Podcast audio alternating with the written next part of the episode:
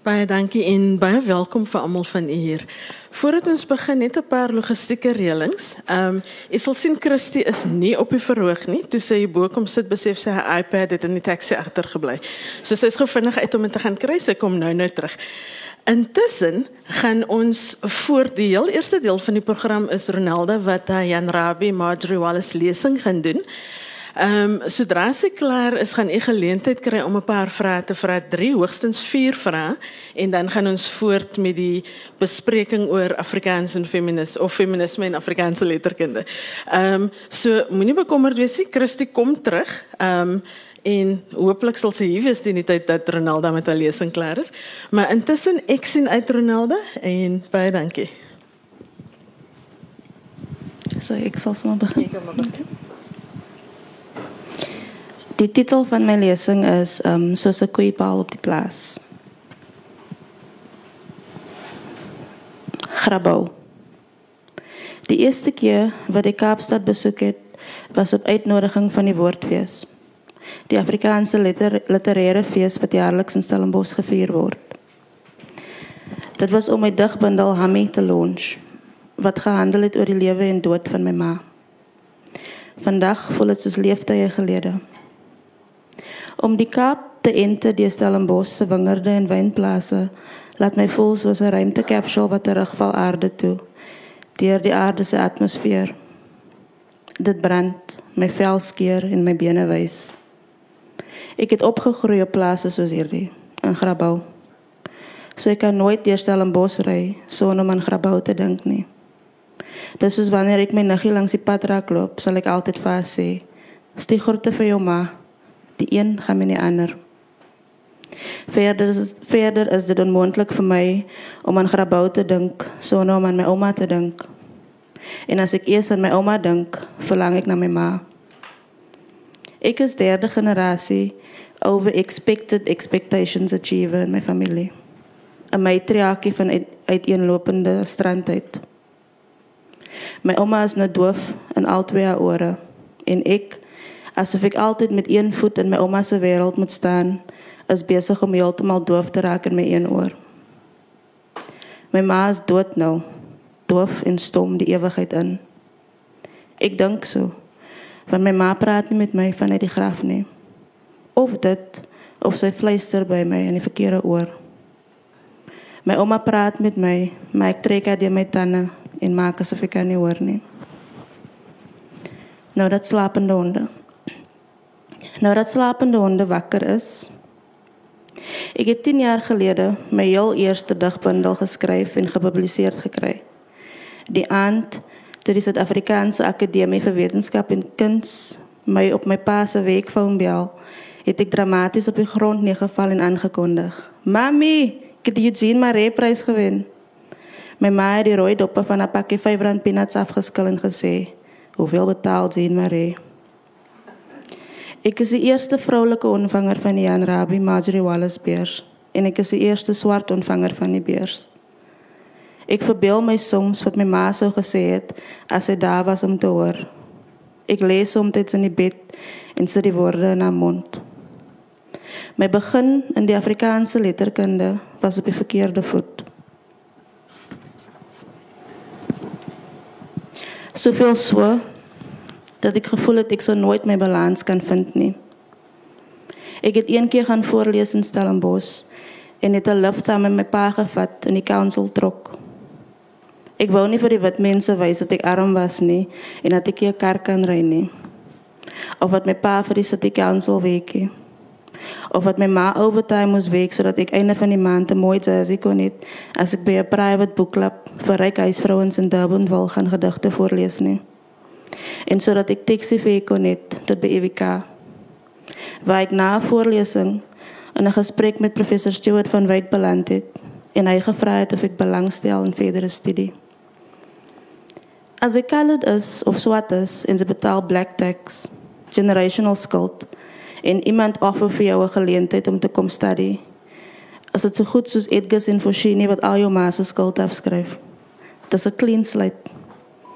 Dis iemand wat sê, "Hey, ek gee vir dieselfde kans as wat ander mense kry." My ma het die week uit gebly net sodat sy kon week toe bel en sê sy moet saam met haar dogter University of Western Cape toe gaan vir registration. Vir haar was dit die validation wat ek verdien het vir al my jare se gedigte skryf.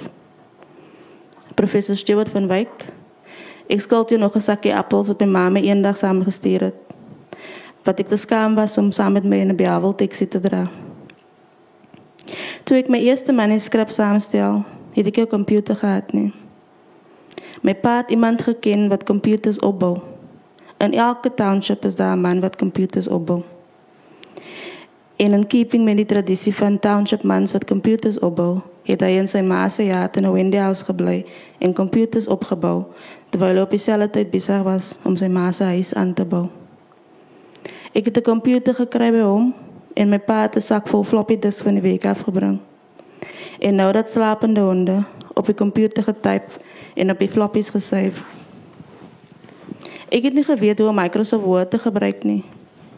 En toe my uitgewer my laat weet ek moet korreksies aanbring, het ek nie geweet 'n mens kan copy en paste. So ek het elke keer die volle manuskrip oorgetik. Ek het vir my niggie wie by ons gebly het, hy het gevra om 10 gedigte te type in 'n dag wanneer sy huis toe kom, wanneer sy huis toe gekom het uit haar night shift uit. En my vriendin het toe net begin verslaaf raak het aan tik. Hierdie res in die nag getyp en sy was eager vir die repetitive week. Ek sal vir ewig dankbaar dankbaar wees vir hulle hulp. Ek het nooit gedink toe ek daardie gedigte geskryf het dat iemand dat dit my soveel sal dra nie. Ek sou nooit gedink het dat in standaard 9 toe ek jou toe ons ek het jou gemaak gelees het vir voorgeskrewe werk dat my lewenslyn en dit van Jan Rabie en Marjorie Wallace sou kruis nie. Maar ek is ongelooflik dankbaar daarvoor. Ek en my ouma het een lap geknip. Sy het self 'n lap geknip. Toe ek klein was, het my ouma eendag opgedaag op ons voorstoep, soos Gandalf the Grey in Hobbiton, en so om te veel te verduidelik het sy vir my 'n pakkie klere ingepak en saam met haar grabou toe gevat. Ek sou saam met haar en my oupa op die plaas bly. Ek weet nie hoekom my ma niks gesê het nie. Maar sy het niks gesê nie. Dit is dus een van daai dinge wat jy self die leë gate moet invul omdat niemand regtig tyd gehad het om dinge te verduidelik nie. Ek was nie my ma se kind nie. Ek was my ouma se kind en moes my plek op die plaas in klein maniere vind. Meestal deur my ouma na te aap. So klein soos ek was, kon jy my altyd op die voorstoep kry besig om vloeke uit te deel aan elke verbyganger vir een of ander sonde wat hulle wat ek gevoel het hulle pleeg. My familie is diep gelowig, maar glo in vloek soos hulle glo in sout oor die skouers gooi as hulle na 12 in die nag in die huis instuier. Sy moet nie kom staan en jou gat dronk sypie en dan wil sy die hele plaas kom omkrappie. As 'n mens drink aan drink sy vir jouself en sy gaan slaap agter jou jou moerskoner. En so aan en so voort het ek te kere gegaan. Ek en my ouma het hy skoon gemaak en ek het gehelp kos maak. Ek was soos my ouma se skade weer. Wat dinge moeilik gemaak het later met my ma. Want my ma het haarself weg van die plaas af gevat. Juist omdat sy uit my ouma se skade weer wil kom. My ouma het my geleer om heeltyd te beklei. Ek het nooit besef dat hulle plaaswerkers was nie. In my kinderlike begrip van plaaswerkers was hulle nie trots of nugter nie. Prei. Voor ek op die plaas gaan bly het, het my ma hard probeer dat ek moes Engels praat. Sy het altyd probeer my naam mooi uitspreek. Ronaldo, Ronaldo. Teen die tyd wat my ouma klaar was met my, het ek so gebrei dat my mamma heeltemal van die Engels vergeet het. Sy verloor nooit, sy verloor nooit jou brein nie. Dit bly ingevlieg in jou DNA. Soos die eilandjies wat my ouma in my hare gevlieg het vir skool so styf dat kon deur 'n deur 'n warrelwind loop en haar sou nie haar uit sy plek wees nie. Na al die tyd vat dit my omtrent 5 minute op die plaas om weer te begin brei. Ek dink ek kry my obsessie met accurate representation van my ouma af en my ma af. Enige iemand wat bekend is met die Oeverberg weet dat jy nie net van die plaas is nie. Sy is van die plaas en van die plaas het 'n naam. Multino of Applewhite of sy bly in Pineview of in Pineview Noord.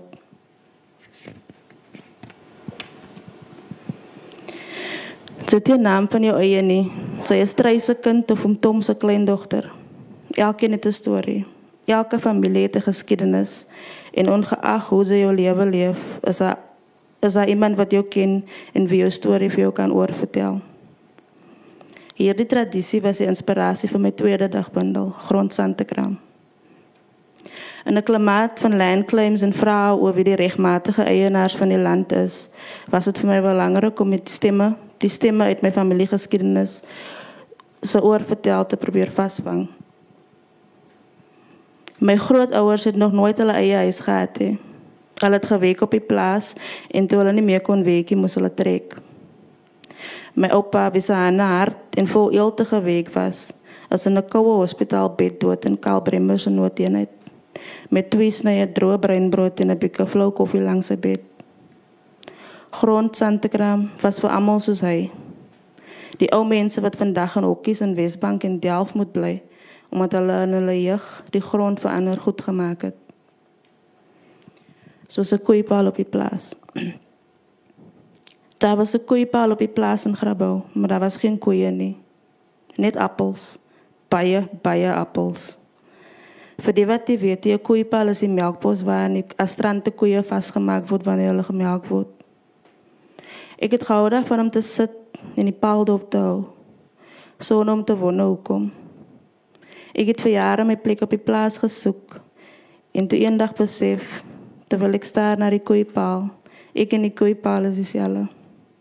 Ek was daar, maar daar was geen nut vir my tussen die appels nie. Maar niemand wou my uitkap of weghaal nie, omdat hulle klaar besluit het ek behoort daar. Maar ek het die recht daar behoort nie.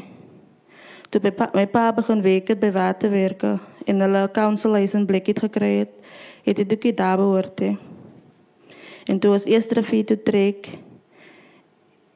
eerste rivier toe trek het my gemaklikheid met die inpassie vir my normaal geword.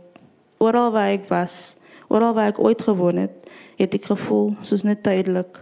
En alrede wat ek dan kan wat ek kan dan dink was omdat ek presies gesien het wat gebeur met mense sodra hulle te veel begin glo en waar hulle behoort. In 2008, toe ek my heel eerste gedigte vir nou wat nou dat slapende honde begin skryf het, het die eerste 3 gedigte in die bundel gekom uit die drie wêrelde wat my gevorm het. En waar ek staan was vir my ma, baas van die plaas was vir my ouma en klein Kado was vir my suster in eerste rivier. A farewell to arms.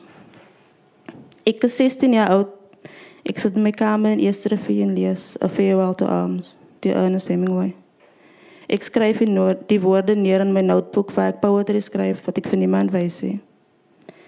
The world breaks everyone and afterward many are strong in the broken places. But those that will not break it kills. It kills the very good and the very gentle and the very brave impartially. If you are none of these things, you can be sure it will kill you too, but there will be no special hurry. Dit herinner my aan my oupa. Hy was good, gentle and brave. En hy is vroeg dood. Hy het die hardheid gehad wat die kaap van 'n mens verwag het nie. Hy was nie 'n swak mens nie, intendeel, hy was baie sterk.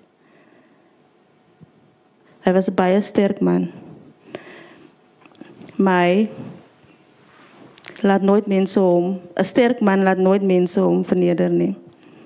Ek dink dit is hoekom my oupa van my oupa al 20 jaar begrawe lê en my ouma nog pik pik deur die lewe gaan. Hulle lewens was een lang vernedering. Toe my oupa te oud word en nie meer kon werk op die plaas nie, toe trek hulle Kaap se vlaktes toe, waar die wêreld vaal was en almal mekaar die hele tyd wou indoen.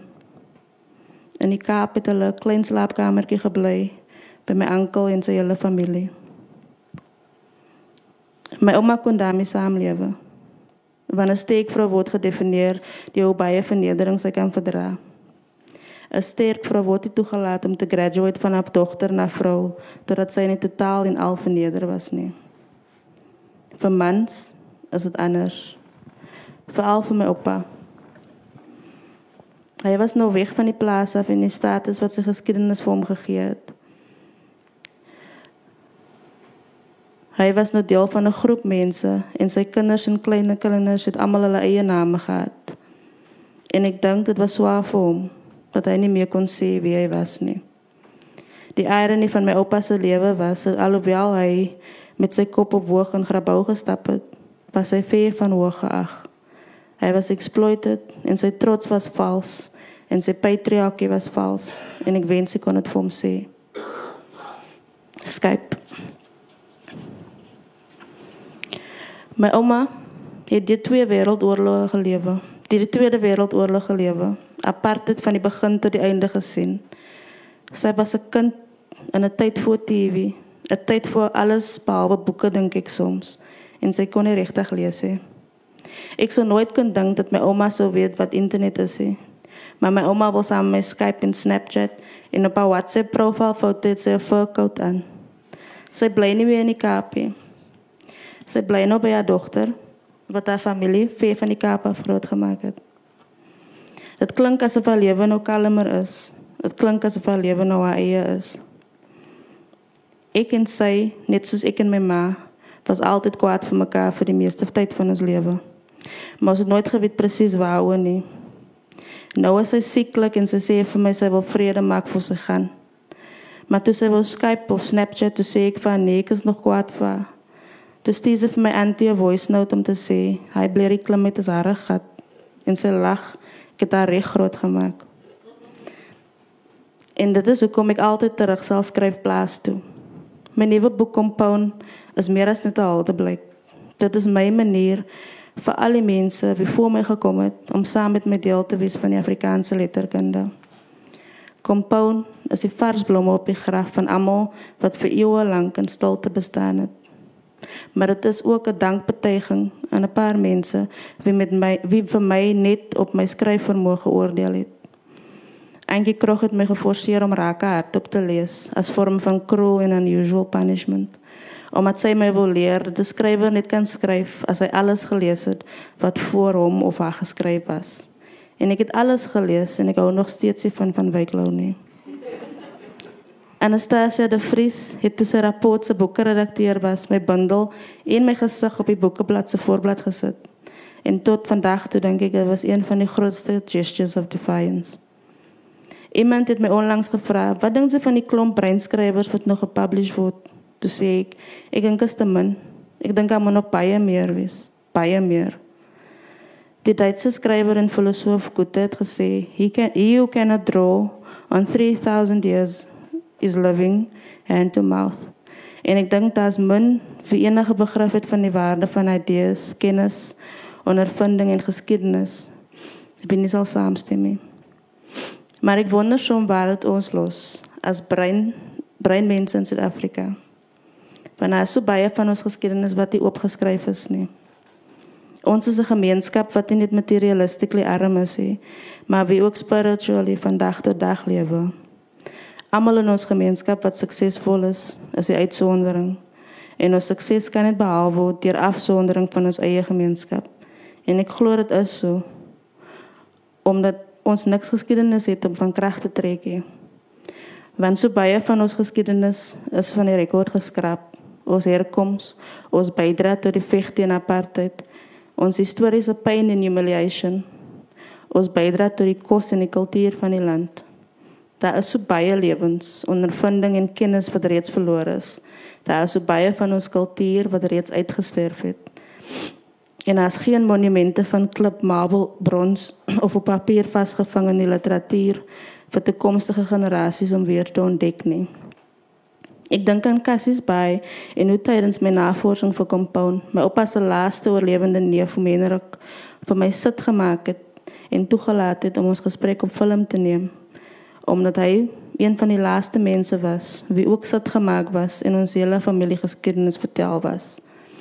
Hy het geglo dat as 'n individu waarvan af sy kom, gaan sy dink sy kom van niks af. Ek dink aan al die ander ek dink aan hierdie stories wat grootouers oor vertel het en hoe dit verlore gaan en al wat oorbly is Afrikaanse volksliedjies wat soos die taal wat soos die taal herskryf word sonder die ware geskiedenis. Ons geskiedenis is afgekap, fragmented. Hele gemeenskappe is geskuif na die sykant van hulle eie verhaal. Hele lewens reduced na footnotes. Baie van ons hier is die afstammelinge van die van die oudste groep mense op die planeet. Maar hierdie geskiedenis is geskryf in sand. Dankie.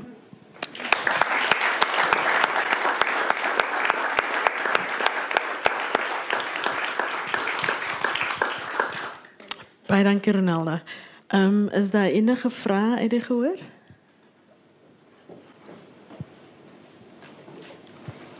Enige vrae? Dis nou die kans. Okay, as daar geen vrae is nie, dan gaan ons aan na die volgende deel van die gesprek. Ehm um, ek het gehoop Christie sal nou al hier wees. O, hier is Christie. Kom sit maar. Ehm um, die wat ek heel eers het jou iPad gekry. Okay. So kom jy nou maar eers tot ruste. Ehm um, die ek het gewag totdat jy nou hier is voordat ek almal voorstel formeel. Ehm um, langs my is Christie van der Westhuizen, sy is 'n professor in sosiologie. Jy is by die Nelson Mandela Universiteit. Watter watter ehm um, afdeling is jy nou besig? Ek weet dit is iets nuuts. Ja, uh, ek is nou nie meer in sosiologie nie. Ek is okay. nou by die uh, Center for the Advancement of Non-Racialism and Democracy wat 'n uh, uh, interdissiplinêre en transdissiplinêre sentrum is. Okay. En dan natuurlik almal ken vir Ronelda Kamfer en ek is seker daarvan is 'n groot rede hoekom jy vanoggend hier sit. Ehm um, Ronelda se lewe het 'n interessante draai geloop. Jy het eers begin as 'n verpleegster en dis iets wat baie mense nie weet nie. Ehm um, voordat jy nou in in in letterkunde ingegaan het. Ehm um, digter, bekroonde digter, jy het omtrent al wat te pryse wat daar sover nog was het jy gewen wat jy kon wen. Ehm um, en jy is studeer jy nog of is jy nou klaar? Ek is nou klaar. Okay. Vertel vir ons gou 'n bietjie daarvan. Ehm um, ek het vir die afgelope 2 jaar um, my MA in kreatiewe skryf by Rhodes gedoen. Mm. Ek is soort van letterlik toos in die, in die, in die Kaap kom. Like 2 dae gelede het ek my um thesis submit so. Ja, want ek onthou toe ek in jou laas met mekaar. Want ek kan onthou toe ek en jy laas met mekaar gepraat het, toe jy druk besig met goeters wat ja, jy in plek probeer kry. Ja. Okay. Maar sterkte. Ehm um, en dan Walda Jansen, radiopersoonlikheid, joernalis, het jy begin in die onderwys? Ja. Okay. So so mense met lekker verskillende ehm um, agtergronde en ehm um, die enigste ander ding wat ek vir u as gehoor wil sê op die program is dit 'n 75 minute program, maar dit is eintlik 'n 60 minute program. So ek gaan bietjie vroeër hier kan uitkom, hoor. Ehm um, het jy tot verhaal gekom? Kan ek met jou begin, Christie? Okay. Ons praat vanoggend oor feminisme en die Afrikaanse letterkunde. Nou, Christie, ek wil heel eers vir jou vra. Wat is feminisme? Want ek vind dat baie keer mense praat en hulle dink hulle verstaan 'n woord op dieselfde manier en dan praat mense eintlik verby mekaar want jy praat oor verskillende goed. So verduidelik vir ons wat is feminisme en hoe verskil dit van humanisme? En ek het nog nooit 'n goeie Afrikaanse woord vir humanisme ge gekry nie. So as jy weet van een, laat wy. Ehm um, so as jy net vir ons kan daai twee terme bespreek.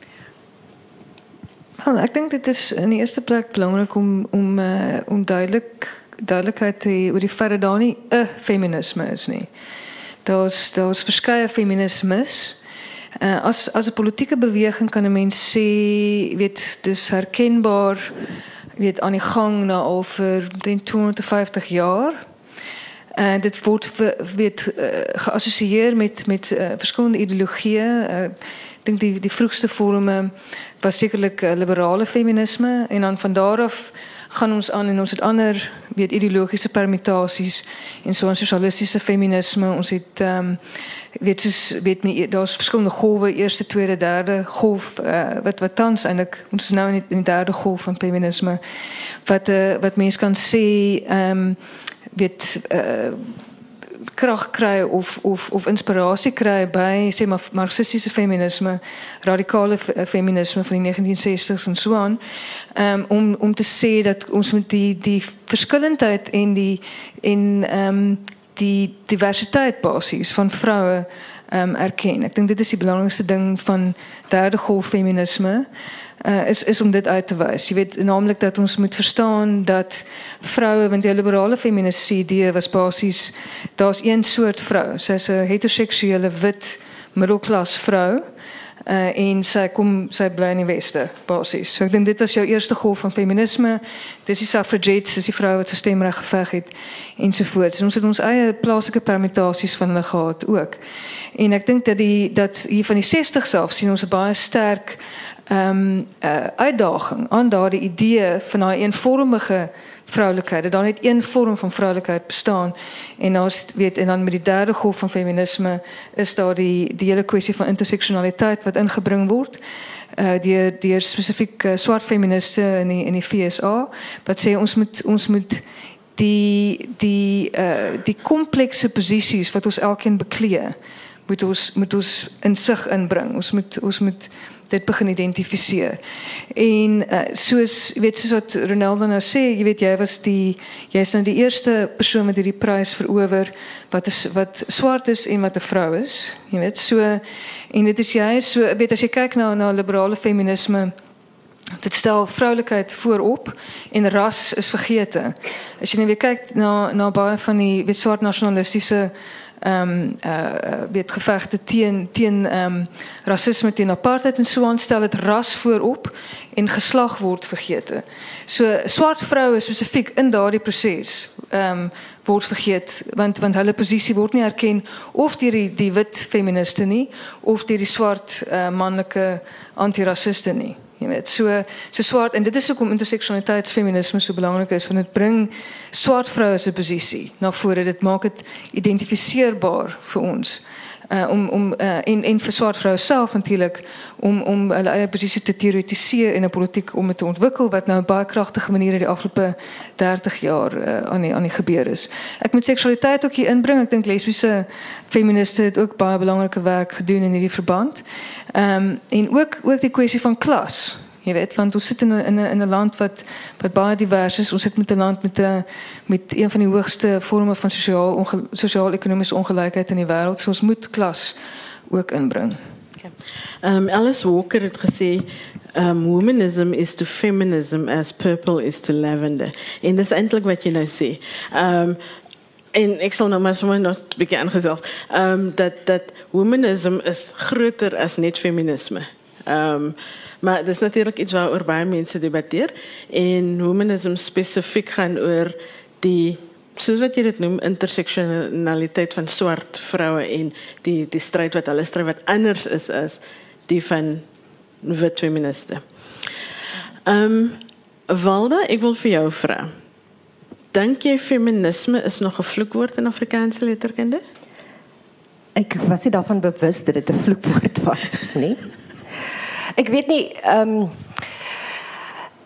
ek het nie die by die feminisme bestudeer of die feminisme in die Afrikaanse letterkunde bestudeer nie, maar uh, as ek nou dink aan feminisme dan dink ek daar is baie ander woorde daarvoor wat seker maar dieselfde ding ehm um, beteken maar ek dink ehm um, feminisme in die Afrikaanse letterkunde eh, het natuurlik baie breër geword na 1994 na apartheid. En ek dink dit is nog steeds besig om toe te neem en hopelik gaan dit van nou af veral wat bruin en swart vroue in Afrikaans betref, ehm um, gaan dit hopelik net uitbrei van nou af. Okay, nou wil ek vir jou vra. Ehm um, en, en Ronaldo, ek wil jy moet ook sommer hier inkom. Ehm um, in jou, die vraag is vir jou Walda, maar ek wil hê Ronaldo moet ook antwoord. Ehm um, en Ronaldo in jou in jou lesing nou praat jy eers van bruin en swart en dan later praat jy van bruin. Nou wat is die verskil? Hoekom bruin en swart? Hoekom nie net swart of net bruin nie? Of is dit 'n vraag wat ek nou moet vra nie? Nee, is dit reg. Ehm um, is is interchangeable. Ek dink swart as ehm um, is is is identifier. Ehm um, as ek 'n sekere konteks beskryf. Soos ek sien myself as 'n swart mens op die planeet, 'n swart vrou. Ehm um, maar my my my herkoms in in Afrikaanse in in die konteks van die gehoor is ek colored, is ek bruin, ek is van die mm. Cape Flats, ek is van die plaas. So daai is my identities. Dit is as 'n description, is om te sê ek dra rooi skoene of ek ja. So dit is nie vir my, dat dit vir my die ehm um, political um, baggage vir dit miskien vir iemand anders sal hê. Maar ehm um, dit is vir my 'n manier om te te, te beskryf. So ek is nie bang om te sê ek is bruin of ek is swart of mm. ehm mm. um, so, so, so, ja, dis een van daai goed. In dieselfde way wat ehm um, ek bang is om te sê ek is 'n feminist. He. Ek dink ek was baie jonk toe ek die woord gehoor het. En vir my was dit altyd feminism is vir wit mense. Selfs as socialism of liberalism of enige ideology. Es is daai wat wit mense doen as hulle bodes, hulle kry sulke goed. Ehm um, feminisme soos ek dit verstaan was vir my prakties. Soos as ek iets kon as ek iets kon omdat ons word groot gemaak op theories en definisies. Mm. Soos my ma sal vir my sê sy gaan leer om 'n plek reg te maak, of sy gaan leer om die tuin skoon te maak of om uh, allerlei goed doen, maar dit prakties is want daar is nie iemand anders wat dit kan doen nie.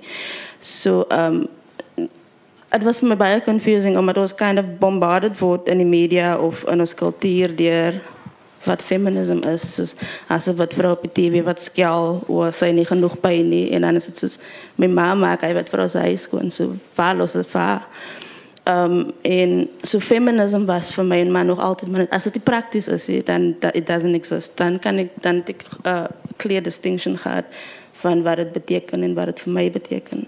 So vir my is dit ek is definitief 'n feminist um in all in all forms in all shapes is um dit beteken vir my dat my posisie in die wêreld is predetermined soos dit elke moment wat ek by die deur uitstap.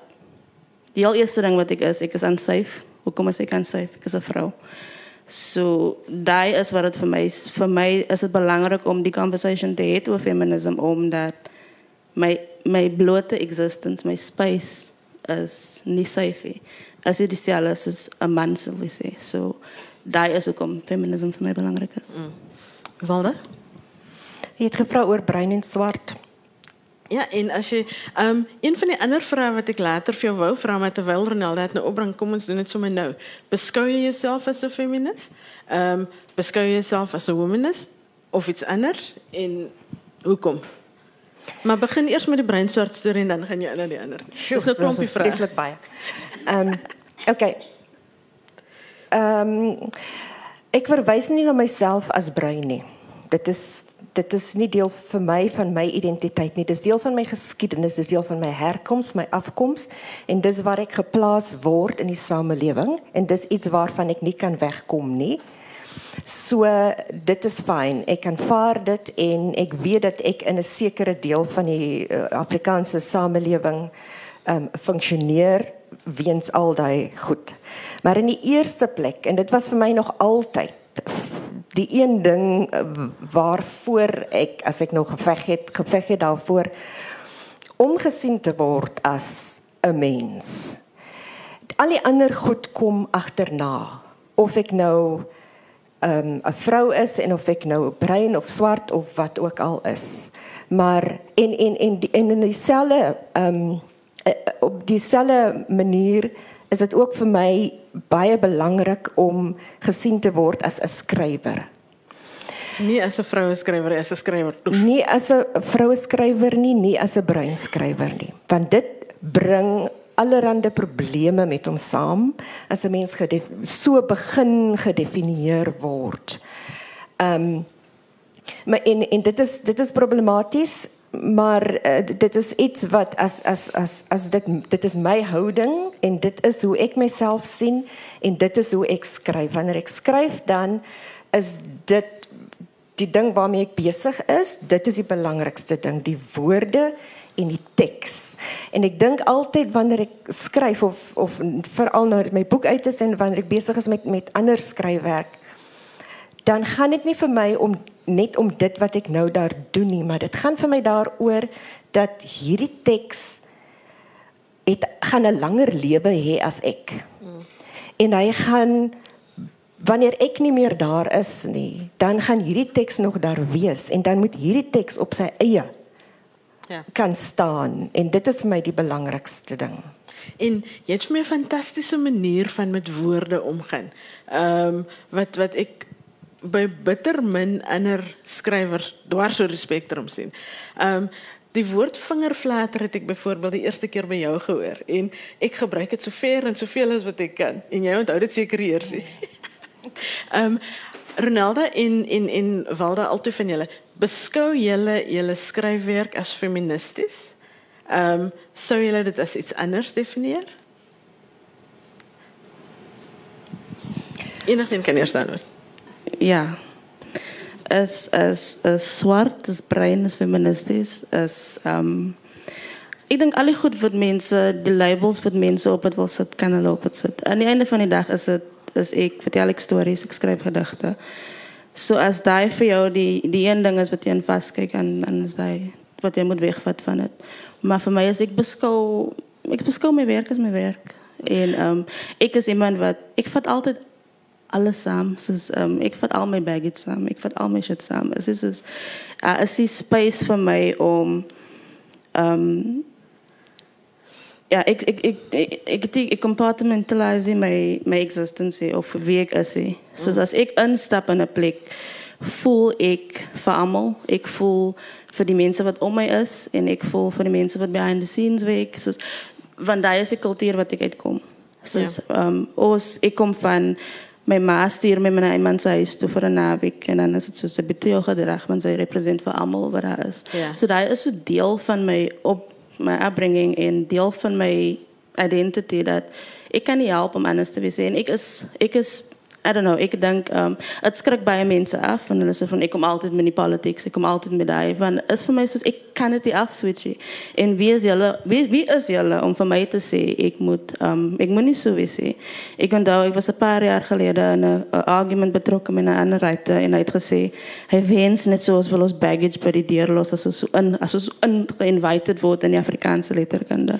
En, en ek was so Ekskuus om jou te onderbreek met Afrikaanse letterkunde vir sy nuwe Ja. Ja, wat wat letterkunde en ek sê first of all dit is afgevat van my af en ek word invited to ek fucking crashy party so ehm um, daai is maar net ehm um, hy is big as so ek ek is hier om ehm um, ander mense gemaklik te maak en discomfort is 'n goeie ding want dit dit bring honesty uit so ehm um, ek vat alles saam met my ja. ja.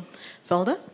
Ja, as ek nou dink aan die in aan die boek wat ek geskryf het, dan as as 'n mens die storie sien in in die opsig van ehm um, dis die die hele storie die lewen, lewensverhaal van iemand wat in hierdie land groot geword het ehm, um, 'n bruin dogtertjie in die Kaap wat Afrikaans is en met alles wat teen haar was die hele samelewing die patriargale stelsel die die die pa die die ooms die oupa die skool, die kerk, die stelsel apartheid.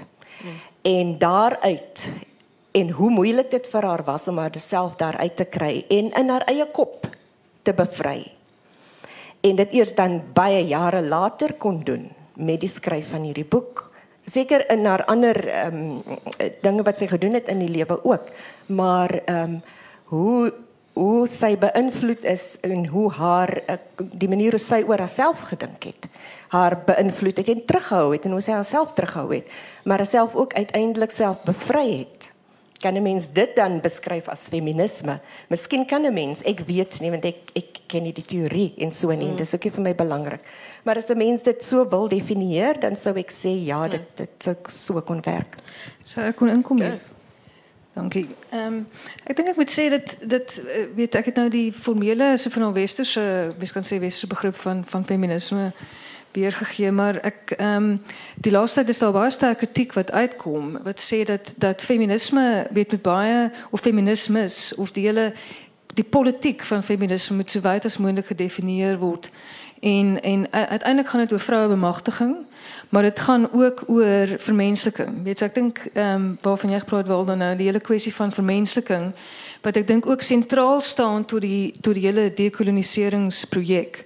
So om mense wat verontmenslik is deur kolonialisme, deur apartheid en vroue het 'n baie spesifieke posisie in daai verontmensliking met daai stelsels as rassistiese stelsels, as patriargale stelsels, as homofobiese stelsels wat hulle geskep het. Vroue het 'n baie spesifieke ehm um, las en en en en druk wat hulle wat hulle gedra het in daardie tyd en 'n en 'n vervorming van hulle self. Weet so ek dink so as mense dit so sien dan dan dink ek dan brei mense dit uit en mense praat dan van 'n van 'n organiese ehm um, met van organiese vorms van feminisme. Uh, e, e, enige praktyk. So ek stem ek hou baie van jou idee van dat dit eintlik uiteindelik oor die praktyk gaan, jy weet. Ehm um, Ronaldo weet dat die dat dit gaan oor weet 'n vrou wat wat groter ruimte opneem, weet wat wat ehm um, in haar haar daaglikse praktyk moontlikhede oopmaak vir haarself vir en vir haar vir weet vir ander vrouens, vir meisies, vir haar dogters, vir haar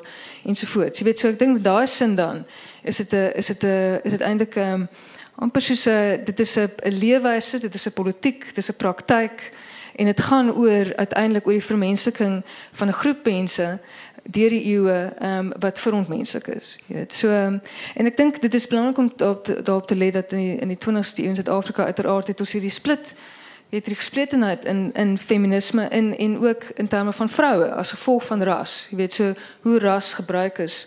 En ek weet ek skryf in my in my boek Sitting Pretty skryf ek oor daardie vroeë uh weet mense kan noem volksmoeder feministe. Hierdie vroue was was werklik feministies, maar hulle het nie uitgereik na hulle uh ewe knie. Hulle swart ewe knie, hulle bruin ewe knie op daardie stadium. En waar sê hulle was baie hard besig om die om om om 'n tipe van 'n suiwerings sogenaamde suiweringsaksie te doen in terme van Afrikaans om 'n om 'n rasseverdeeldheid te skep en om self dan te verhef uh sodat hulle die vrugte van wit bevoordiging kon kon pluk. So dit is die geskiedenis waarmee ons nou sukkel hierso en en en en dit is natuurlik wat nou die uitdaging vir ons is as as en ek dink as 'n wit feminis het ek 'n spesifieke verantwoordelikheid om te kyk hoe ek weet daai geskiedenis kan verstaan en ook hoe ek haar geskiedenis kan hoe ook in in die, in die kontemporêre oomblik, jy weet, daai geskiedenis kan kan verander ehm um, weet ter wille van van van groter bemagtiging van swart vroue. Jy weet spesifiek, weet die rol wat ek daarin kan speel hoe klein ook al dit mag wees. En dit is natuurlik, dit was die die die onderwerp van jou artikel wat jy was dit Vrydag Saterdag in in die Burger gehad het. Ehm um, dit was netwerk 24. Ehm um, Wil jy net gefvinnig ietsie daaroor sê?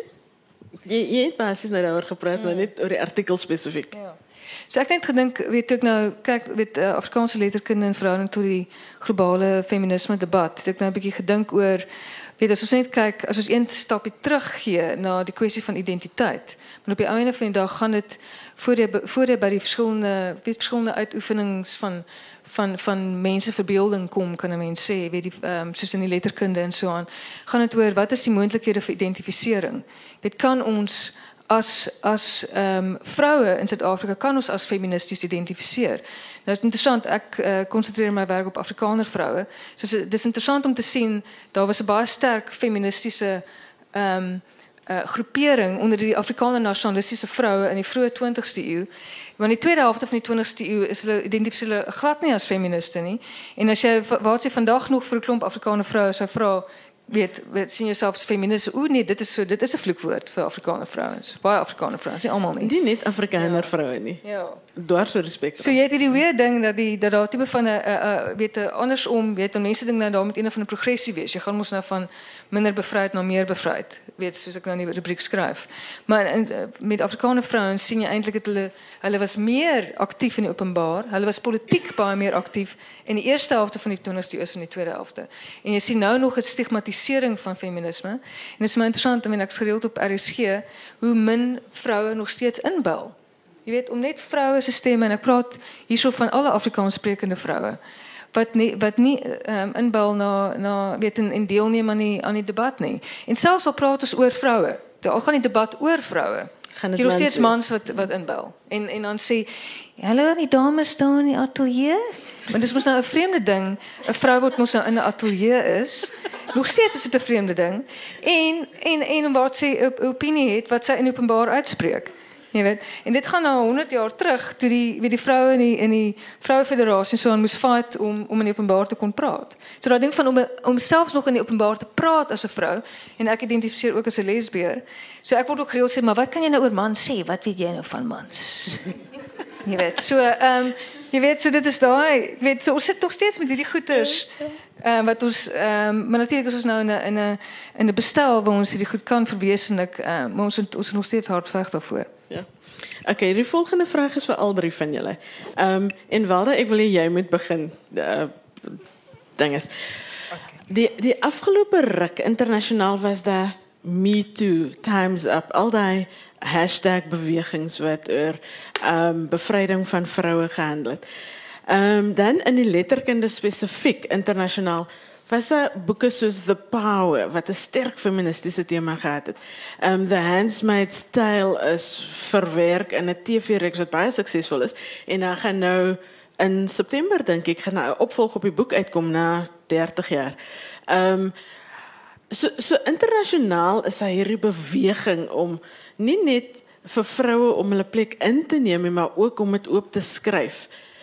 Plaaslik by ons um was daar in Engels heel wat geskryf. Ehm um, daar was die feminism is ehm um, daar was sorry not sorry en dan as 'n paar ander en is als feitelike boeke, nie een is fiksie nie.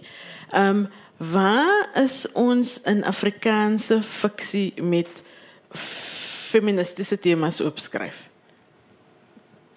Ek weet nou nie wat jy sou definieer as feministiese temas. met sterk vroue sentrale Ja. karakter wat hulle plek inneem polities, sosiaal, hoe ook Ja. al. Ehm um, soos wat Ronelda in haar lesing sê, ja, maar ouma het geleer fight. Vroue wat fight en wat nie nonsens Ja, vat nie. dit klink amper soos soos 'n resep vir 'n misdaadroman. Wat wat eh, miskien is dit die rede hoekom die misdaadroman so gewild is in Afrikaans ook nou. Ehm Maar maar is daar spesifieke Afrikaanse literatuur wat jy Kom ons kom ons vat die laaste 10 jaar. Spesifieke goed wat jy kan dink is ehm um, jou jou boek is een. Ehm um, ek probeer in my boeke 'n uh, vroulike karakter maar ander, ek praat van breër. Ehm um, ek weet nie ek ek weet nie ek sal eers daaroor moet dink en en bietjie gaan gaan opsoek. Ek weet nie ek wou eintlik ehm um, ook aangesluit het by wat Christie gesê het Doen oor dit. haar boek. it.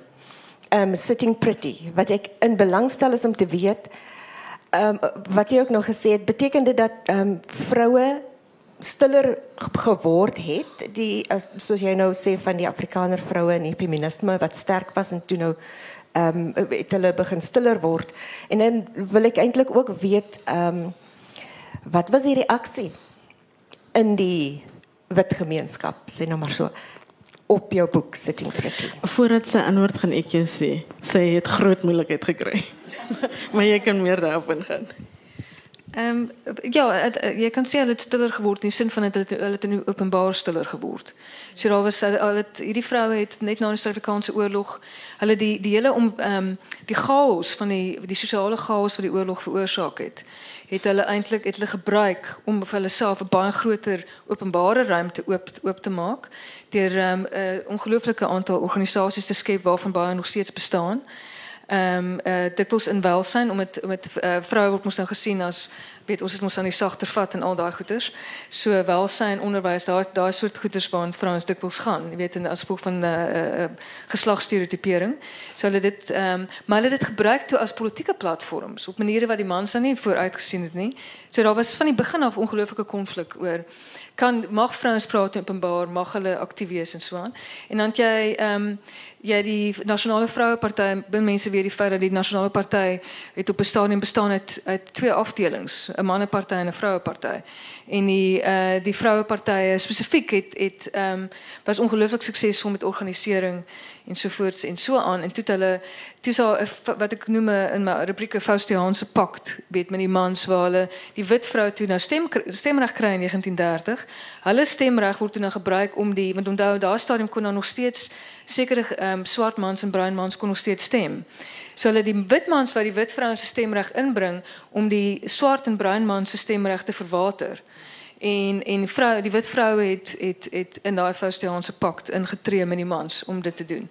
So hulle basies hulle swart en vrou swart en bruin vroulike ewe knie jy weet al vir die wolwe gegooi en uh, en saam met die uh, wit mans gedraf, jy weet. So die ehm um, Uh so ja, in terme van my my boek, ehm um, weet baie vroue is is verskriklik bly oor die boek. En weet ek kry ek kry nogal regtig baie vroue wat my nader ehm um, by praatjies wat ook weet deur sosiale media en so aan wat my bedank daarvoor wat sê jy weet ek nog altyd weird gevoel nou weet ek hoekom ehm um, en so aan jy weet. Ehm um, en dan is dan die vrouens wat verskriklik kwaad is vir my ook. Daar's vind want mense is nie veronderstel om wit uh, identiteit te problemati problematiseer nie basies. Mense is veronderstel om kritiese vrae te vra oor wat beteken om wit te wees nie. En en wit mense hou nie daarvan nie en wit vrouens, sommige wit vrouens hou ook nie daarvan nie.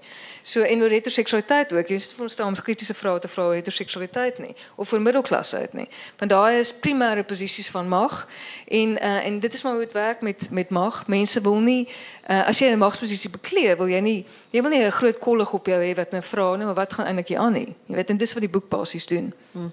Ehm um, en as jy sê mense moet nie bevraagteken nie, dan bedoel jy wit mense moet nie wit mense se bevoordiging bevraagteken nie. Spesifiek. Ja. Ehm um, ja. Ja, wit ja. mense en of ons ander wit mense, weet jy word wel natuurlik volksverraaier, uh, race traitor, daar's 'n daar's 'n lang lys ja, ja, nee, ook ook meer En, en jy is almal van hulle al genoem. Ja. En jy is almal van daai woorde al genoem. Ja, ek feminasie uiteraard baie van die goed word daar ge, geleen van ehm um, van Amerika af want men, mense het mos nie baie baie ver reg soos dit mos in hulle verbeelding nie. Mm. So hulle volg hulle volg maar net uh, wat op sosiale media gesê word dan lig hulle daai terme in hulle transplant dit net hierso na Suid-Afrika toe en gebruik dit net so, jy weet. So maar ja. En 'n mannetjies vrou uiteraard is ek ook en al hulle goeters hoor. Dis 'n verskriklike ding. Ronaldo, kom ons kom terug na die letterkunde toe. Het jy het jy iets daaroor te sê? Ik denk dat is definitief een tekort aan, aan, aan feministische karakters. Um, ik denk een van de grootste problemen in Afrikaanse letterkunde is um, hoe, hoe, hoe vrouwen portret worden. Um, er zijn baie boeken wat geschreven wordt over vrouwen en even bruin vrouwen waar die main characters in is, waar het wat hulle romanticized wordt. Dus het is niet die, die um, Katie die meid of eh, eh, dat type ding. Um, waar um, hulle nie regtig 'n voice het nie. Is net hoe hulle gesien word deur die Afrikaner man whatever of of of hulle word oversexualized of hulle word mm. heeltemal sexuality word heeltemal dood um, geskryf en hulle is net soos engele en as ek sê yeah. dink ek my ma was literally 'n uh, 'n uh, uh, hy sal 'n mate en my ma was 'n fee van engele af. Ehm um, dit is so hoe hoe hoe kry hulle daai reg? En ehm um, en ehm um, so dit is belangrik dat ehm um, dat daar changes moet inkom in literatuur waar dit oké okay is vir vir vroue karakters om te bestaan ehm um, hoe hulle regtig is en ehm um, dit kan net goed wees vir letterkunde dit kan net goed wees vir Afrikaans as ehm um, um, uh, as op 'n meer eerlike manier um, geskryf word en gepraat word oor die tipe goed. Is nie soort van net omdat ek iets sê, meen ek is kwaad vir wat mense nie. Is soos that's a, a problem. So die res van die wêreld evolve in literature evolve en almal is kwaad en almal skryf oor dit en en um, maar maar ons bly nog bang vir dit want ons is bang vir konflik. Ehm um, so dit is belangrik dat daar daar baie meer ehm um, daai tipe stories geskryf word. Okay. Die laaste vraag vir al drie van julle voordat ek vrief gehoor oopgooi. Ehm um, in jou lesing sê jy spesifiek daar is nog te min brein skrywers. Hoe kan 'n mens dit verander? En ek wil graag al drie van julle se mening hoor. Um, om meer te publish, um, om om is is ek dink ehm um, en dan kom 'n mens by hekwagters en goeters uit. Ja, ik denk uh, dat het, is belangrijk. En, um, om, want, want mijn redenatie is altijd, voor die drie breinwriters wat gepublished wordt, is dat tien witwriters wat gepublished wordt. En als kan je zeggen, al tien is even goed, of, al, of hij is beter als as hulle nou praat van kwaliteit en en en um, hoe goed die letterkunde is of hoe relevant dit is. He. Vir my is dit maar net um, daar moet meer gepubliseer gepubliseer word sodat meer mense hulle self kan sien. Ek dink my grootste purpose in writing was altyd ek was moeg van om Afrikaans te lees waar ek in is, he, waar ek in existeer en ek wil karakters skryf en ek wil stories skryf wat um, wat vir my weird is dat dit dit goed is wat ek gesê het toe ek jonger was wat actually happens soos nou daar kinders in skole wat vir my skryf en sê ek het jou gedig gelees en toe relate ek aan dit en mm. nou wil ek skryf of ek is nou interested in Afrikaans en en dit is belangrik sodat daar um, access is en dit sal vir onderwysers taal baie makliker maak as hulle maar net as kinders aandag kan hou deur deur goed te doen of um, mense hulle self hulle self te kan raak sien in die letterkunde en dan kom dit ook by taal dat ehm um, die stigma dat ehm um, dialects of Kaaps of allerlei goed dat dit somehow dommer is en dat dit die ehm um, intellectualized kan word ja, dat dit slim is he. en dat as ons in die Afrikaanse klas sit met 'n suiwer Afrikaans praat ehm um, nie eers standaard Afrikaans nie, dis suiwer Afrikaans en, en anders is jy is jy verkeerd ehm um, net om vir mense te sê dat dit is 'n taal met klomp gesigte en klomp. Klanke en sounds en dit lyk lyk dit lyk is soos dat die afgelope 100 jaar lyk dit dit lyk dit lyk soos die klas lyk dit lyk soos ons almal lyk. Okay. Welda?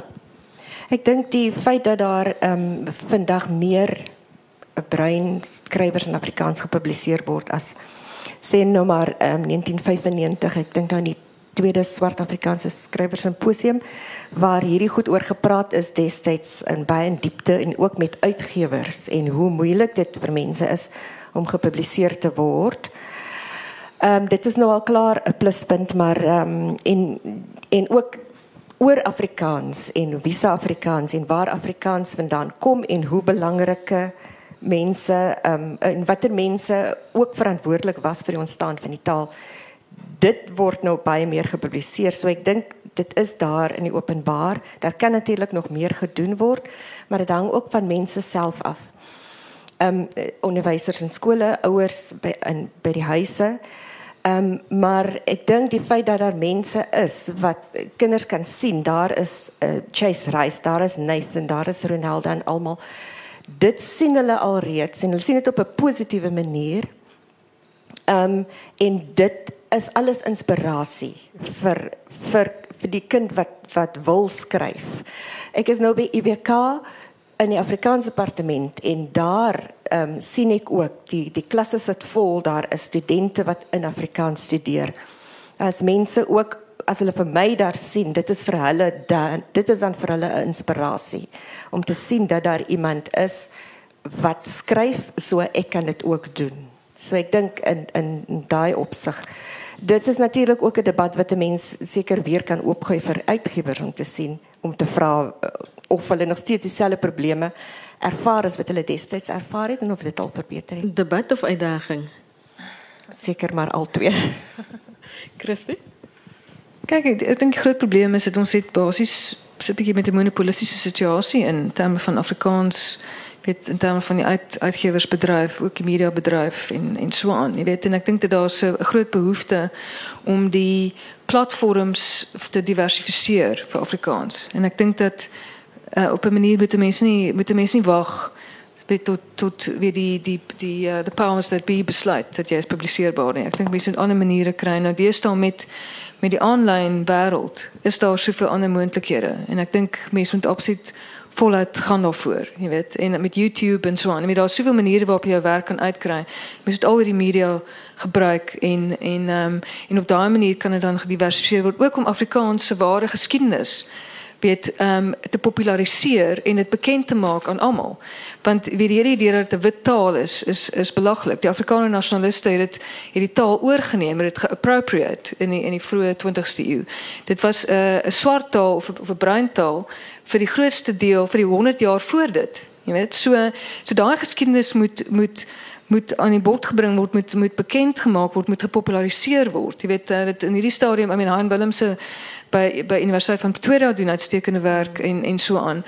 Ehm um, jy weet, maar daar's soveel wat weet uh, uh, kennis wat mense nie wat mense nie het oor Afrikaans nie uh, in die openbare sfeer nie. En en natuurlik word dit verskrik nou verbind aan apartheid om goeie rede natuurlik jy weet. So so om om die, om weet so die dan met die hele daar's hele uh, ingewikkelde historiese sosiale politieke hmm. ensovoorts ehm um, ekonomiese proses wat eintlik moet plaasvind. Ek wil ook net sê dat ehm um, ek 'n bietjie gedink oor boeke wat ek al baie gelees het wat vir my nogal in Afrikaans praat tot die tot waar feminisme nou staan, jy weet en ehm um, dis ek Anna byvoorbeeld vir my is loop die loop die me too vooruit. Jy weet veral nou aan geen Trotsky haar identiteit bekend gemaak het. So daar is 'n gefiksionaliseerde weergawe van werklike seksuele ehm um, uh seksuele uh, aanranding en en geweld teen 'n kind vir mense wat nie die boek ken nie. Uh, en, en dit is werklik waar dit moet gelees word. As jy dit nog nie gelees het nie, lees dit.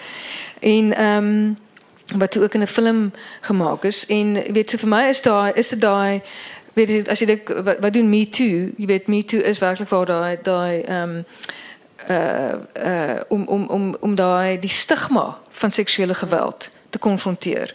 Deur deur te sê weet ek gaan nie die stigma dra as die persoon as die slagoffer nie. Die stigma hoort by die gewelddenaar dit is dit is wat wat me too doen en dis wat dis ek aan as 'n boek doen. Natuurlik ek is ek is 'n groot fan van uh, kaptein Nikki de Wee, moet ek vir jou sê. Ek is bly met dit. Ja, maar dit is nou en dit is wat ek dink ook uh, ander skrywers gaan inspireer want dit is weet werklik waar eh, 'n uh, leefwêreld en 'n perspektief wat ek dink nie al van tevore gelees is in Afrikaans nie. Jy weet so so wat jy doen met ehm um, ja, ek het slaags baie geniet. Ehm um, wat jy doen met daai karakter, jy weet en die feit en haar seksualiteit ook ook.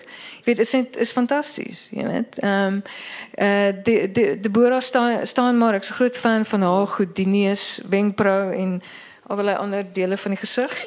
Ehm um, en daar het jy ook 'n interessante karakter, ek seksueel uh, nie konformerend, maar ook op in terme van haar genderidentiteit, want dit is dit is nie heeltemal 100% seker. So dit is 'n ongelooflike fantastiese skryfwerk wat wat ehm um, wat wat baie interessante goed doen met met seksualiteit, gender en ras. Ehm um, so jy weet en ek weet nie wat mense dink van Tebatsu gaan see toe nie, want dit is Maya Fowler se se boek wat nou onlangs uitgekom het waar sy daai die die verhaal wat net absoluut nooit mm. vertel word nê van ehm um, 'n swart huishoudelike werker wat nou die wit familie vergesel see toe maar natuurlik sy gaan nie sien toe om die see te sien nie. Sy gaan skaars die see sien. Sy gaan aan die aan die werkskaal wees en, en agter die mense skoonmaak basies. En hoe daar 'n hele interne leefwêreld oopgeskryf word. Ek het, ek dink dit is dit is 'n uh, werklik 'n goeie boek en dit wys dit is 'n eksposisie op witheid eintlik wat ongelooflik ehm um, kragtig is. Dit wys witheid in al sy arrogansie en al sy onkunde. Jy weet. Ja. Dankie. Enigiets wat julle twee wil byvoeg voordat ons aan die gehoor toe gaan? Nee. Going. Going. Okay. Enige vrae uit die gehoor? Voor.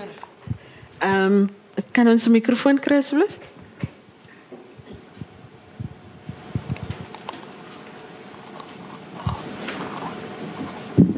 Voor.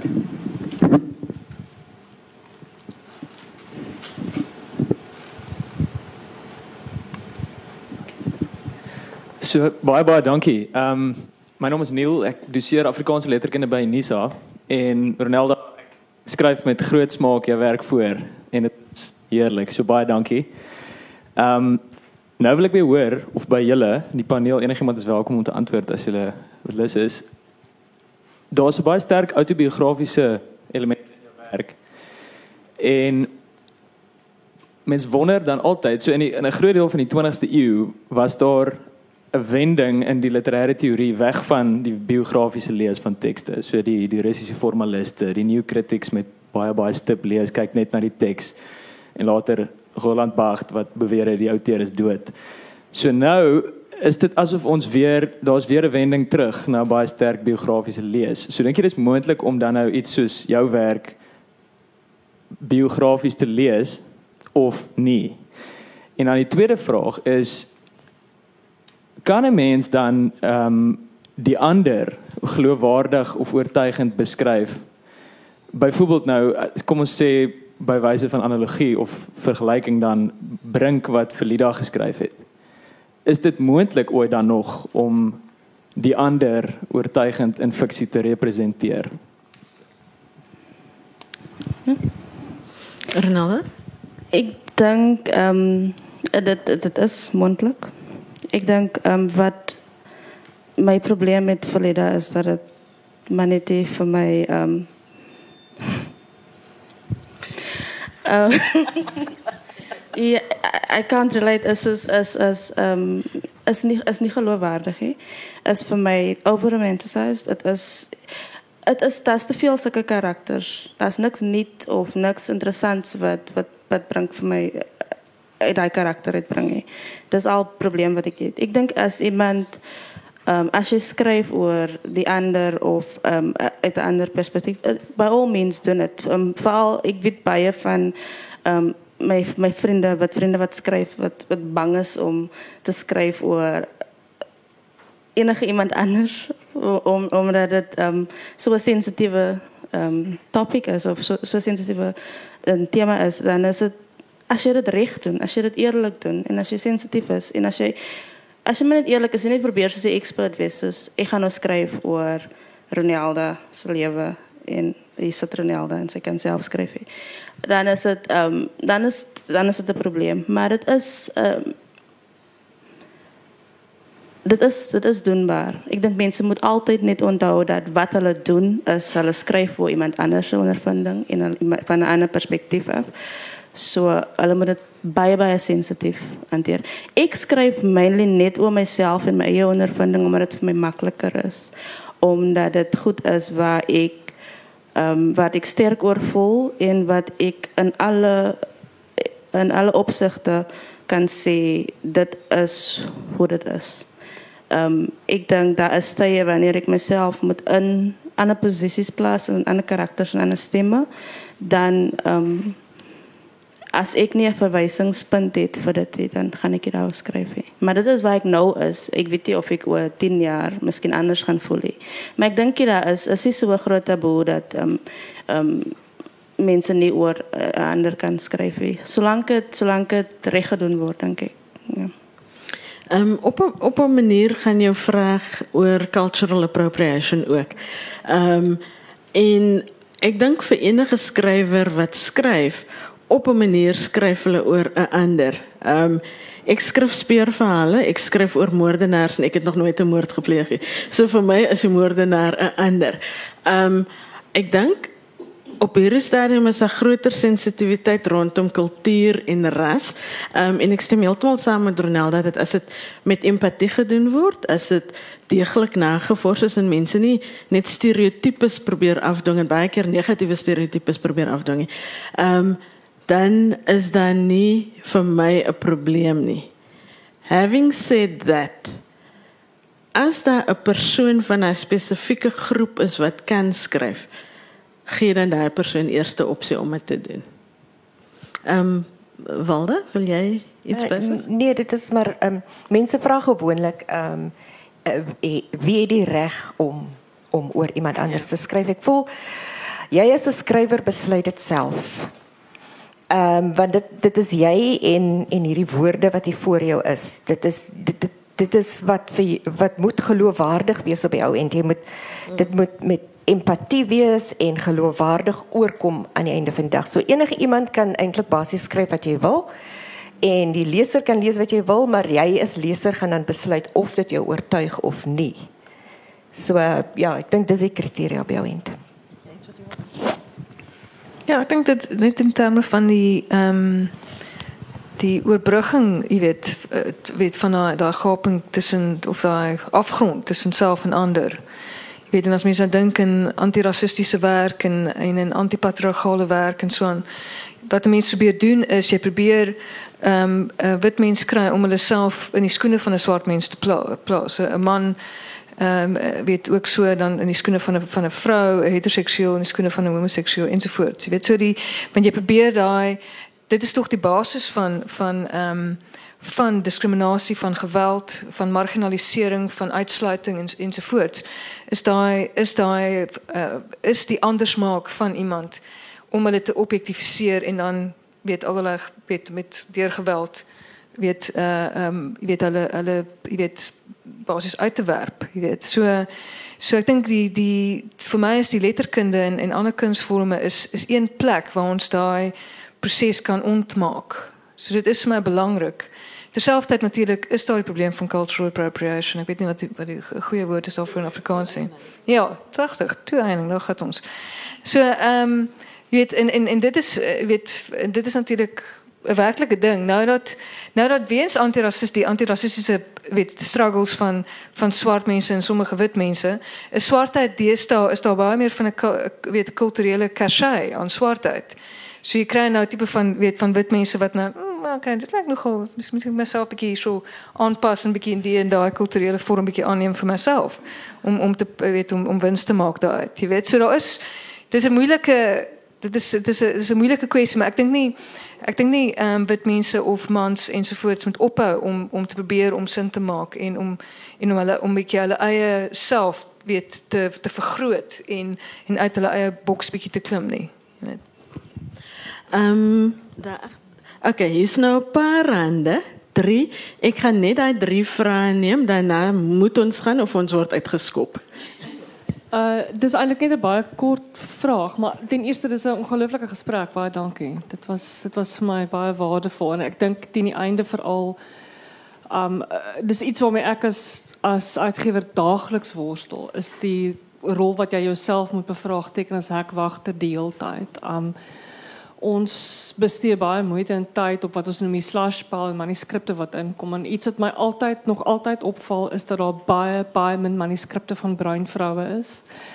Uh meestal as daar is, is dit nie wit is nie, is dit van bruin mans. Um en, en as dit seker gereeld gedigte eerder is. Ja ja, dikwels. So, so vir my is hierdie eintlik die begin van die gesprek want dis dis vir ek wil begin want die vraag wat ek myself afvra En Walda, jy het my iets baie helder gemaak nou wat ek dink my op 'n manier nogal troos is om te sien dis bietjie soos 'n domino effek. So miskien sal skrywers meer voel hulle hulle mag skryf omdat hulle nou sien daar's ander stemme daar want wat my kwel is dat mense dink nie hulle mag te dokumenteer nie.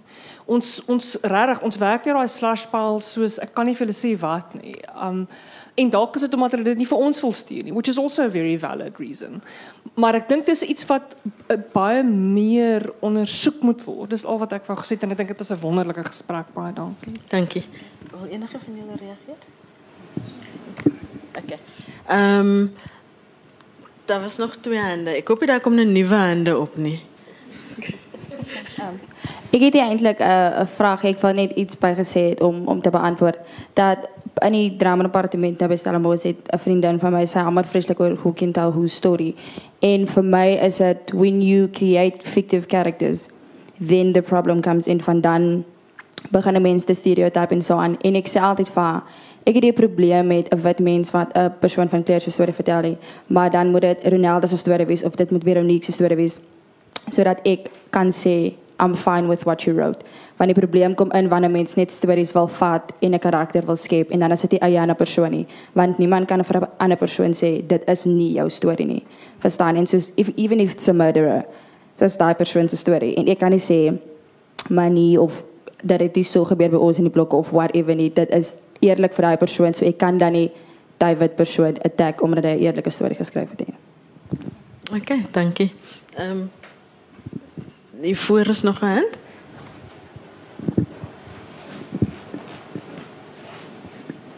Hallo, skiemer almal. Ehm um, Ronald, ek het vir jou gehoor by vir Abels meneer Hensen en juffrou Hickley. So was dit by dieselfde skool gewees, eerste revisie, senior sekondêr. Ehm um, die vraag wat ek eintlik het is vir jou en vir Christie. Uh dit was vir my spesiaal om saam te praat want ek het vir so 'n klomp jaar gehoor van hom maar nog nooit gesien nie tot ek 'n ander man se werk gelees het en gedink, "Ah, gehard. Anyway, ehm um, die vraag wat ek het vir jou en vir Christie is Christie, ehm um, jy het gepraat van triple oppressed, geslag, ras en klas. En ons het daai gesien in die studente dorpe, Fiesmas vol veral swart vroue. Wat is jou rede vir die herlewing post 94 spesifiek swart vroue in die Suid-Afrikaanse konteks? Maar as 'n double barrel question. Ronaldo vir jou. Daar's baie skryfwerk wat gegaan het, feministiese skryfwerk, maar universiteit konteks, nasionale konteks min swart veral bruin mans en vrouens spesifiek wat geskryf het oor hulle ervaring gedurende Feesmas vol as 'n vorm van protest writing. Gewoonlik sal mense doen die vorm van rap. Toe kom plaaswerk, is my ek het nog niks van daai tipe werk gesien nie. Wat is die rede vir daai blokkade? Um, ik denk, het probleem met, met, met, met die, die, die, die vinnige waves van goed wat gebeurt, zoals Feesmus vol, was voor de tijd daar in tevens stop het niet. Ik denk, um, baie van die ideeën en thoughts wat mensen het of gehad, dat hulle voel soos ons bly op, op, op Grahamstown en so student town. So ek is altyd tussen studente wat betrokke was met Feesmas vol en dat ik, ik zie altijd de disappointment dat die gesprekken aangaan niet. Dat het soort van, ik denk het, het is een sign van ons tijd. Het is, alles is hashtag culture. So, zodra die wave voorbij is, dan beweeg allemaal aan. En um, ik wens zo dat, is, dat, dat, dat dit meer betekent. Of het dit meer van die, van die, um, die narrative vastgevangen. Vooral in letterkunde. Maar wat ik denk wat gebeurde was dat dat heet uh, uh, uh, kind of lig, liggewerp op een narrative wat vir lang tyd underground was.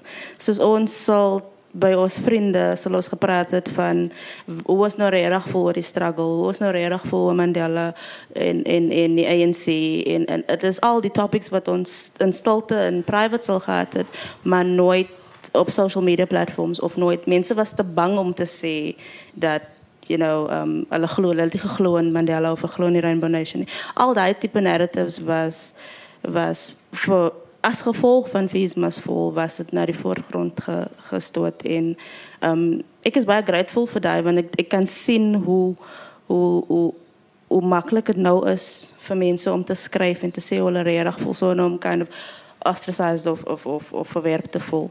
Maar ik wens regtig dat um, ik denk ik blameer die culture dat alles te vinnig verby gegaan het, maar ik wens dat mensen langer sou um hulle gevoelens en die tydperk sou kan vasvang. En ek hoop ek ek dink daar is nog tyd vir dit om te gebeur. Ek dink um wat ek wat ek notice is mense wil meer eerlik skryf. Mense wil sê hoe hulle regtig voel sonder ehm um, dat dit gedikteer word deur okay, dit is die narrative wat nou op gefokus word. So ehm um, mense wil praat oor gender, mense wil praat oor seksualiteit, mense wil praat oor violence, mense ehm um, en daar is nou 'n space create waar dit okay is vir dit. Al wat ek net bang is voor is dat dat dit net 'n wave is en dan dit weer gaan stil word en dan gaan ons almal weer terug na na na bang wees. Um, ons is 5 minute oor die tyd, maar Christie gaan vir jou vra om net vinnig te antwoord. Ja. En enige vrae wat jy daarna het, kom sien asseblief die paneel na die tyd hoor. Net om te sê dat wanneer as 'n wit skrywer natuurlik bruin of swart ervarings appropriate dan en is nie en is nie autentiek nie uiteraard of of is stereotyperend weet dit daai boek gaan nie slaag nie jy weet so ek dink op die ouene is die mark in daai sin is die mark ook 'n uh, natuurlik die beste aanduider van het jy net een of 'n appropriation hier so gedoen of weet een of 'n stereotypering? Weet ek natuurlik hou glad nie van brink uh, in die algemeen. As kom by vrouens ek dink hy ek dink hy is net opsit walglik en ek quite frankly. Maar anyways ehm um, so ja ehm um, die ehm um, net om te sê die triple oppression die ANC se triple oppression idee is anders as die interseksualiteitsidee want interseksualiteit is eintlik oor hoe verweef hierdie vorme van onderdrukking is in identiteit. So dis nie so 'n additive tipe van een ding op 'n ander nie. Jy weet, vrou, swart, en nou sit hulle soos blokke so nie. Hulle is hulle is half hulle is half in mekaar geknoop. En ehm um, en dit in vir swart vroue spesifiek uh, plaas dit hulle in 'n in 'n posisie waar daar nie eintlik uitkom kansse nie. Want wit vroue jy weet glo dat geslag is belangriker en en um, en dit moet voorrang geniet in in die in politiek. Swart mans aan die ander kant glo ras is belangriker en ras moet voorrang geniet in politiek. En swart vroue basies dan so dit is wat interseksionaliteit probeer doen is probeer om daai die die die ingewikkeldheid van swart vroue se posisie vas te vang, maar mense kan dit ook gebruik om ander posisies se ingewikkeldheid te ontknoop. Jy weet soos ehm um, uh, Eusebius McCarthy het eintlik 'n nice rubriek geskryf na aanleiding van by onderhoud wat ek met hom gedoen het oor my boek ehm um, en waar hy gesê dat swart mans en wit vrouens is in dieselfde WhatsApp groep. Jy weet, want hulle baas hulle hulle hulle geniet albei en dis wat interseksualiteit vasvang. Hulle geniet albei bevoordiging, maar ook benadeling. Swart mans weens ras, maar bevoordiging weens hulle geslag. Swart uh, wit vrouens bevoordiging weens hulle ras, benadeling weens hulle geslag. So hulle hulle, hulle kan notas uitdeel. Okay. Ehm um, ek wil vir die paneel baie dankie sê Walde Ronalda Christie. Baie dankie vir die gehoor. Ehm um, die ouens staan al nader om ons uit te gooi. So ek gaan vra dat jy asseblief as jy aan 'n klaar geklap is net uitbeweeg asseblief. Dankie.